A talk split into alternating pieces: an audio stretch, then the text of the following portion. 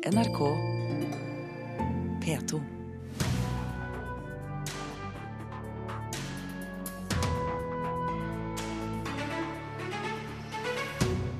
Picassos arvinger reagerer sterkt på at de ikke ble kontaktet før regjeringen besluttet å rive Y-blokken i regjeringskvartalet. Senterpartiet vil ha norsk stein på nytt nasjonalmuseum. Ikke nødvendig, sier Høyre, som vil ha alt ut på handbud. De to partiene møtes til debatt her i Kulturnytt. Og vi hører mer om rettssaken som altså starter mot den høyreekstreme musikeren Varg Vikernes i Paris i dag. Her i Kulturnytt i Nyhetsmorgen i NRK med Ugo Fermariello i studio. Pablo Picassos arvinger reagerer altså sterkt på at de ikke ble kontaktet før regjeringen bestemte seg for å rive Y-blokken i regjeringskvartalet i Oslo. To kunstverk av Picasso øh, er en del av huset, og regjeringen må ha arvingenes øh, samtykke hvis de skal flytte kunsten. Juridisk ansvarlig for arvingene, Claudia Andrieu, frykter at kunstverkene også kan gå i stykker. Regjeringen i Norge har overhodet ikke tatt hensyn til at de har med en ekte Picasso å gjøre, sier hun. Our position is that they did not take into consideration anything regarding Picasso. We are quite afraid, you know, that the works will be destroyed as well, because it's not so easy, you know, to uh, to make the things you know they want to do. Det er eh, ulike synspunkt også når det gjelder eh, Y-blokka. Vi har kommet frem til at, eh, at, den må rives. Det sa kommunalminister Jan Tore Sanner for litt over ei uke siden, da regjeringa kunngjorde at de vil rive Y-blokka i regjeringskvartalet. Samtidig vil vi selvsagt ta vare på de to flotte kunstverkene som er i Y-blokka. Fiskene og måkene de skal bevares og, og sikres. Sanner sikter til Pablo Picasso-kunstverka som er integrert i bygningen. Åndsverksrettene til denne kunsten har Picasso sine arvinger, men arvingene har ikke blitt kontakta av den norske regjeringa før rivingsvedtaket. It would be best for everybody to talk and to discuss all together because uh, we think that exposing you know kind of det sa Claudia Andrieu, som representerer arvingene, til NRK i 2013. Når vi ringer ett år seinere, har hun ennå ikke hørt noe fra norske styresmakter. Never. Never. So, you know, they never contacted us, they never talked to us, they never gave us um, a telephone call, you know, to discuss this issue. Andrieu sier at de ikke kan skjønne regjeringa si framferd, og at de er svært uroa for hva som kan komme til å hende med Picasso-kunsten. And we cannot understand uh, this kind of behavior really, because uh, this is not the way you know the things must be done. People talk before doing this. We are concerned, really concerned. I en e-post til NRK stadfester Kommunaldepartementet at de ikke har vært i kontakt med arvingene. I samband med rivingsavgjerda vil de nå starte dialogen. Mener det er på tide. We think that they did wrong because they do not contact you know, the succession family. And we think that they should talk. Hun vil ikke si om arvingene vil gå til rettslige steg for å stogge rivinga, og sier det viktigste nå er å få i gang en dialog. We cannot forget you know, that the Picasso's work are really a treasure you know, for the humanity. We cannot let that on the side. We cannot do that. Sa Claudia Andrieux til eh, reporter Lars Ivar Nordahl.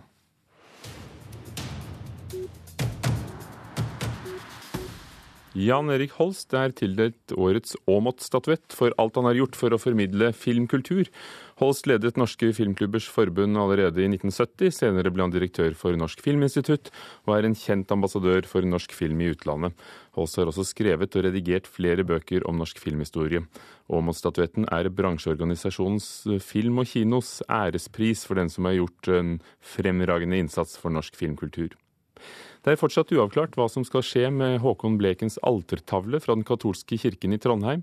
Den ti meter lange modernistiske mosaikken skal demonteres og settes opp et nytt sted når kirken bygger nytt. Både Sverresborg folkemuseum, den katolske, katolske kirken selv og St. Olavs hospital har vært nevnt som mulige steder for altertavlen.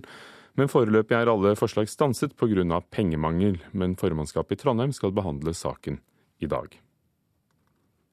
Pressen er ikke alltid nøytral. Dagbladet tar ofte ulvens parti, mens Nasjonen tar bondens parti i rovdyrdebatten. Det viser en undersøkelse journaliststudent ved Høgskolen i Oslo, Even Skårberg Årnes, har gjort om dekningen i rovdyrdebatten. Så jeg kikka på ulvedebatten og dekninga av den, og da valgte jeg meg Nasjonen og Dagbladet som objekter. I Dagbladet er det da bilde av en ulv som er gjerne tatt livet av, og av jegere. da, Og det er naturforkjempere eller ulvesympatisører som stort sett kommer til uttrykk først i sakene. Mens hos Nasjonen er det bilde av en skamfart sau og bonden som har vært uheldig da, og mista dyra sine Det er uklart om det nye Nasjonalmuseet som bygges i Oslo skal være kledd med norsk eller utenlandsk stein. Ikke bare bransjeorganisasjonen Norsk Bergindustri ønsker at museet på den gamle Vestbanetomten skal bygges med norsk stein, det gjør også arkitektene. Men eh, Statsbygg er påkrevd å legge ut materialkjøpet på internasjonalt anbud. Uh, Norwegian uh, National Museum should be built, hopefully will be built in Norwegian stone. Nei, Vi er underlagt eh, lovverket for offentlige anskaffelser og, og, forskrifter kan du si, for det. Så vi kan ikke lage en spesifikasjon som går spesielt mot en norsk leverandør. Det har vi ikke anledning til. Det sa Statsbyggs Per-Willy Nysæter til slutt, og så hørte vi også arkitekten Klaus Sjoverk, eller en av de to arkitektene som har vunnet konkurransen. Geir Pollestad, leder i finanskomiteen på Stortinget for Senterpartiet. Du ønsker at Nasjonalmuseet skal bygges med norsk fasadekledning. Hvorfor? Ja, La meg først si at det er næringskomiteen jeg er leder eh, av. Eh, Senterpartiet eh, mener at denne type nasjonale symbolbygg må være et uttrykk for norsk byggeskikk. og Det inkluderer òg at en bruker i størst mulig grad norske materialer. Dette er et bygg som skal stå her i generasjoner. Norsk stein med et fjelland. Det vil et, et, gi det en ekstra dimensjon å bruke norsk stein på bygget. Frank Bakke-Jensen, medlem i finanskomiteen for Høyre. Du mener anbudsprinsippet er viktig. Hvorfor det? Ja, for det første må jeg også få lov å Det er du også i næringskomiteen? Jeg sitter i næringskomiteen, ja. jeg også. Og, og både var... finanskomiteen og næringskomiteen. Da har vi dere begge fra næringskomiteen her. Ja. Takk skal dere ha. Og begge, både for finans- og næringskomiteen så, så er handel eh, viktig. Sånn at eh, jeg må få eh, korrigere ingressen også. Det er ikke sånn at Høyre er imot eh, norsk stein. Men eh, det er engang sånn at vi, vi, er en del av et, eh, et internasjonalt handelsnettverk og handelsregelverk. Og da er det sånn at hvis det er en grå stein av en bestemt kvalitet som finnes i, i to land, så, så, er det sånn at det skal ut på anbud, og så skal man altså velge det som, det, som prismessig blir, blir, riktig. Her er det jo, det her spørsmålet det handler jo egentlig i mye mye større grad om, som, som Geir sier, hvilken type bygg det er, men også hvilken arkitektonisk idé som, eh, som, ligger bak. Og Det er jo i, eh, i den prosessen man eventuelt kan, eh, kan styre mot, uh, mot stein. Men, Men kan du sette en pris på følelser? Da Kringkastingshuset ble bygd for 50-60 år siden, så var det et poeng at det var norsk granitt. Da rådhuset i Oslo ble bygd, så var det et poeng at det var norske materialer. Kan du sette en pris på nasjonens følelser? Jo, men det er jo også sånn at hvis det ikke i, den, hvis det ikke i, i, i anbud, altså i arkitektkonkurransen eller i det, det bygget som er valgt, altså den arkitektoniske idé som er valgt, er spesifisert eller gjort så spesielle valg at man er avhengig av å bruke norsk stein, så, så har vi heller ikke eh, lagt til rette for den følelsen. Og, og, selv om det er et nasjonalmuseum, så skal vi jo også være ganske åpne på at eh, Norge er en, en, del av verden. Og så Vår historie er, eh, bærer preg av at vi har vært påvirka av, av andre land. Geir Pollestad, er ikke et nasjonalmuseum nettopp et sted der det internasjonale kunsten kan vises for oss i den lille nasjonen? Nei, jeg føler at det som Bakke-Jensen her fokuserer så mye på pris, det er, det er, litt for utbredt i politikken i dag at en kan prisen på alt, men en kjenner ikke verdien av noe. Eh, så blir det for enkelt å skyve EU framfor seg her. Eh, vårt utgangspunkt er at EU skal ikke bestemme om det skal være italiensk stein på et kulturbygg i Roma eller norsk stein på Nasjonalmuseet i eh, Norge. Men du er jo jurist. Hvordan har du tenkt å komme deg unna de krav som ligger i EØS-avtalen til internasjonale anbud, når det ikke står spesifisert eh, at arkitektene må ha norsk stein? De ønsker det, men de har ikke lagt det som et krav. Nei, altså Arkitektene har jo vært tydelige på at de ønsker norsk eh, stein. Og jeg mener at uh, en må framover òg få nye byggeprosjekt. Vi skal bygge nytt regjeringskvartal, andre store bygg.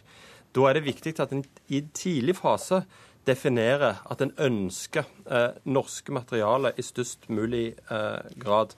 Det skjedde når han bygde ut Gardermoen. Da sa han eh, Stortinget at han ønsket norsk byggeskikk lagt til grunn. Eh, jeg tenker at eh, en må i en tidlig fase peise inn retningen på at en ønsker norske materialer. Og Det kan en jo gjøre gjennom å gi støtte til forskning og utvikling av bruk av norske materialer, enten det er tre eller eh, stein, som gjør at norske leverandører er de som er eh, i fremste rekke. Det tror jeg er måten å gjøre det på. Vi, eh, når vi satt i regjering, satte vi i gang forskningsprosjekt for å eh, få ei trebru over Mjøsa. En vet ikke hvordan en skal bygge den i dag. En forsker i Norge. Når den skal bygges, så er det norsk, kun norsk treindustri som er i stand til å bygge den brua. Men er det, det næringsstøtte du driver med? Er det proteksjonisme overfor norsk uh, bergverksnæring fordi du, du vil støtte dem? Vil du ikke da også hindre også fremtidig eksport, hvis andre land tenker likedan? Nei, altså Norsk eh, bergverksnæring er en stor og viktig næring som i dag eksporterer, mye. Eh, her er vi inne på, mener jeg, på kulturpolitikk. Eh, og det er først og fremst kulturpolitikken som skal eh, legges til grunn når en ønsker norsk stein på Nasjonalmuseet. Så er en ringvirkning at norsk næringsliv får levere og være et utstillingsvindu for hva en kan få til med norsk stein eller norsk tre som kan legge til rette for mer eksport. Frank Bakke-Jensen, er det kultur eller næringspolitikk vi snakker om? Nei, det er jo i aller høyeste grad eh, begge deler. Og Derfor sier jeg det er det, vi, kan ikke bare, vi kan ikke bare ta det her ned til, til, at det skal være en mulighet for Senterpartiet til å markere sin, sin, motstand mot EU. Det er faktisk sånn at hvis vi eh, skal legge inn og, og, og, Geir er jo inne på det, han sier det jo også sjøl, at det, det, må ligge en idé bak, det må ligge en tanke bak. og da er det altså sånn at Enten må det ligge en arkitektonisk idé eller en arkitektonisk fortelling bak at vi skal stille krav til, eh, til norsk stein i sånn bygging. Når, men, men, du hørte arkitekten før her som sa at han ønsket norsk sted? Ja, og det er jo sånn. Arkitekten har antagelig ønska seg å kjøre i en stor Volvo til, eh, til og fra arbeidsplassen også. Men det, det, er ikke sånn at det er de valgene som gjør det. det, må ligge, det må, arkitekten må nok anstrenge seg mer hvis han skal klare å stille sånne krav til bygget sitt. Han må i fortellinga si kunne synliggjøre, klargjøre hvorfor det skal være norsk eh, stein. Da er vi godt innafor de, de, avtalene og det handelsregimet vi er en del av. Da er det også fullt mulig å velge det. Men så lenge hvis ikke, hvis ikke, den typen eh, krav ligger i, eh, i eh, de her prosjektene, så er det nok ikke sånn at vi av rent proteksjonistiske grunner, eller for å markere eh, motstand mot EU, kan velge norsk stein. Dette er, ikke, dette er ikke proteksjonisme. og Nå syns jeg at Bakke-Jensen skal gå tilbake til Høyre- og uh, Frp-regjeringa og se om det finnes noen muligheter til å få justert kursen her, enten for Nasjonalmuseet, men også for fremtidige store norske eh, byggeprosjekt, symbolbygg. For det er ikke alt som trenger å være made in Hongkong, selv om det er billigst. Vi eh, skal bygge bygg som er viktige for nasjonen, da mener jeg at vi skal også bruke norske materialer i disse byggene. Under den følelsesladde diskusjonen om hva den nye operaen i Bjørvika skulle være kledd med, så endte det opp med italiensk marmor, eh, slettes ikke lagd i Hongkong, eh, i forhold til norsk sten. Og det var også kvalitetsgrunnlag og estetikk som telte inn. Det kan jo hende at det også teller her? Absolutt så må norsk stein være konkurransedyktig. Eh, Senterpartiet ønsket jo norsk stein på operaen òg. Eh, det har blitt en flott eh, opera med den steinen som er. Men jeg tror òg det vil ha vært mulig å få til med bruk av norsk stein. Og jeg tenker at en i framtidige byggeprosjekt må i tidlig fase legge til rette for bruk av norske materialer det er god kulturpolitikk, det er god næringspolitikk. Vi må slutte der. Frank Bakke-Jensen eh, i Tromsø, du får ikke noe tilsvar nå. Du er eh, altså medlem i næringskomiteen for Høyre, og vi har også næringskomiteens eh, leder her, Geir Pollestad fra Senterpartiet, som fikk siste ord. Takk, begge to. 16,5 minutt over åtte. Du hører på Nyhetsmorgen i NRK med disse overskriftene i dag. Halvparten av mennesker med demens som bor alene i Oslo, får i seg for lite mat. Det skjer selv om de får hjelp av hjemmesykepleien, viser en ny undersøkelse. Det blir ingen streik blant bagasjestuerne på Gardermoen. Det ble enighet om minstelønnsbestemmelser under megling på overtid. Riktig snuoperasjon, men vel sent, er reaksjoner på Stortinget etter at afghanske tolker får asylsøknader behandlet her i landet.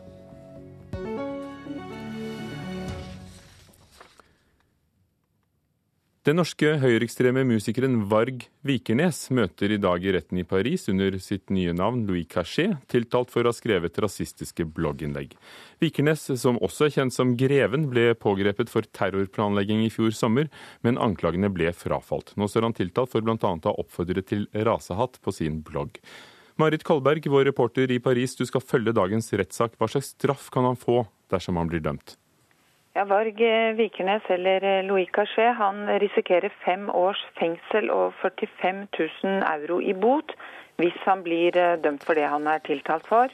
Nemlig, som du sier, oppfordring til rasehat og det som franskmennene kaller apologie de crime, altså det å rettferdiggjøre en krigsforbrytelse eller forklare hvorfor den da skal ha vært nødvendig. Har Vikernes selv kommentert beskyldningene mot ham?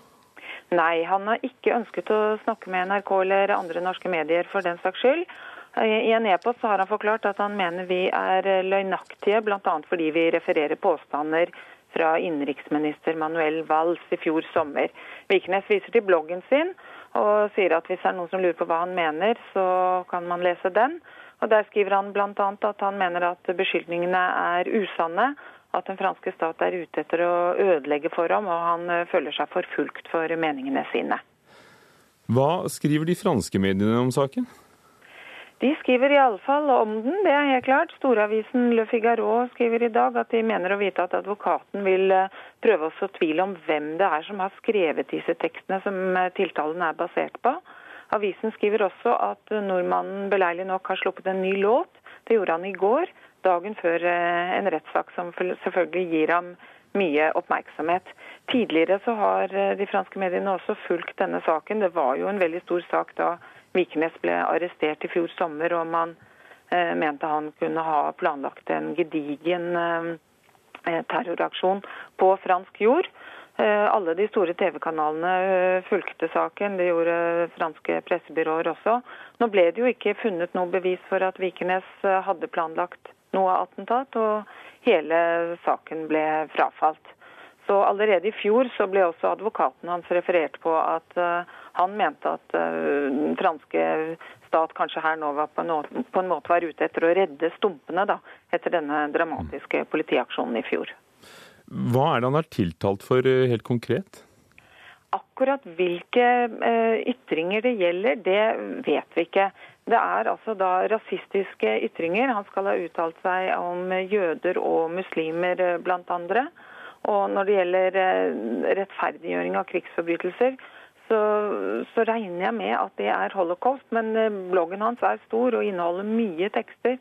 Og, og hvilke det er, det får vi kanskje vite mer om i dag. Saken ble jo utsatt eh, i oktober fordi det lå ved 900 dokumenter som advokaten trengte tid til å få gå igjennom. Hvor kjent er Varg Vikernes som musiker nå? vanskelig å svare på. Det er, uh, han har uh, en Om ikke det er mange, så er det iallfall en iherdig fanskare. de har oppfordret til å møte opp ved rettssalen. Det gjorde de også i fjor, i relativt stort monn. Hva kan det ha vært da? 30-40-50 personer. Så De er ivrige, og de hegner om han og passer på han, slik at de f.eks beskytter han mot eh, pressefolk som vil eh, snakke med ham. Takk skal du ha, Marit Kolberg, som følger rettssaken mot Varg Vigernes, som åpner i Paris i dag. I Fredrikstad og Moss har flere lagt merke til nye lyder i byen. Billedhuggeren og også lydkunstneren Susan Phillips har åpnet et lydkunstverk i de to byene. Et kunstverk som strekker seg helt til Danmark. Phillips er skotsk og en av Storbritannias mest kjente kunstnere. Hun fikk eh, den ettertraktede Turner-prisen i 2010. Og vår reporter Katrine Hasselberg dro ut til Galleri F15 på Jeløya utenfor Moss for å undersøke bakgrunnen til denne lydkunsten. Bom, bom, bom, bom, bom, bom, bom, bom, bom, bom. Du lytter nå til NRK radio osv., ikke sant?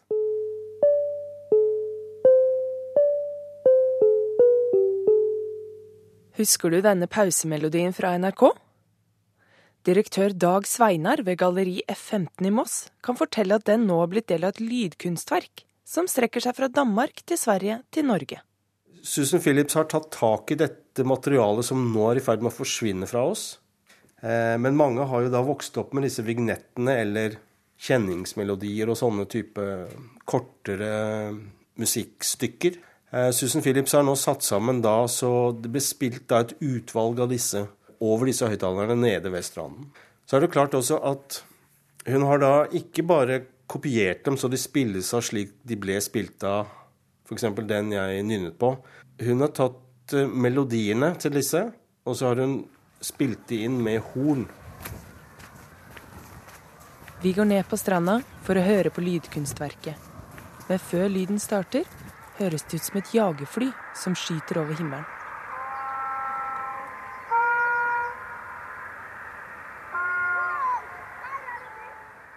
Nede på stranda i Moss har gresset blitt grønt og badegjestene leker. Men det er ikke sikkert at alle er klar over at de befinner seg i skjæringspunktet for en lydkunstutstilling.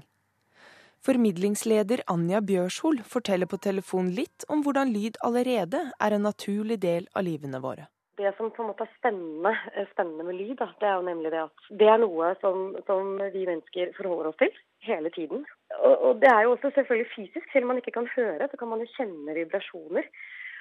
Og det tenker jeg er sånn som med Susan Phillips' verk, som, som, gir på en måte det lokale, altså området ute på Alder, en, en, oppmerksomhet, en annen oppmerksomhet, med at hun bruker disse radiovignettene som gjør at, eh, at bevisstheten eh, går jo til altså, det er jo helt altså, enorme spenn. Det er jo helt rundt i hele verden til å forankre det til der hvor det står. Så man må også kreve litt, men jeg syns at det likevel det appellerer til noe veldig, veldig direkte eh, i mennesket. Kanskje du har hørt noen av lydene allerede? Det landsoverskridende lydkunstverket skal gjennomføres på ni ulike plasser fra mai til september. Men hvordan skal vi som publikum forstå denne lyden midt i hverdagens gjøremål? Ja, Det er et vanskelig spørsmål. Altså hvordan eh, tar vi imot lyd, eh, og hvordan oppfatter vi lyd? Ofte når det er i det offentlige rom, så er det jo en blanding av lyder. Eh, her er man ikke i en konsertsal og setter seg ned og er liksom fokusert på at nå skal jeg høre på lyd. Så må man da liksom plukke ut i dette, dette lydmiljøet da denne trompetlyden.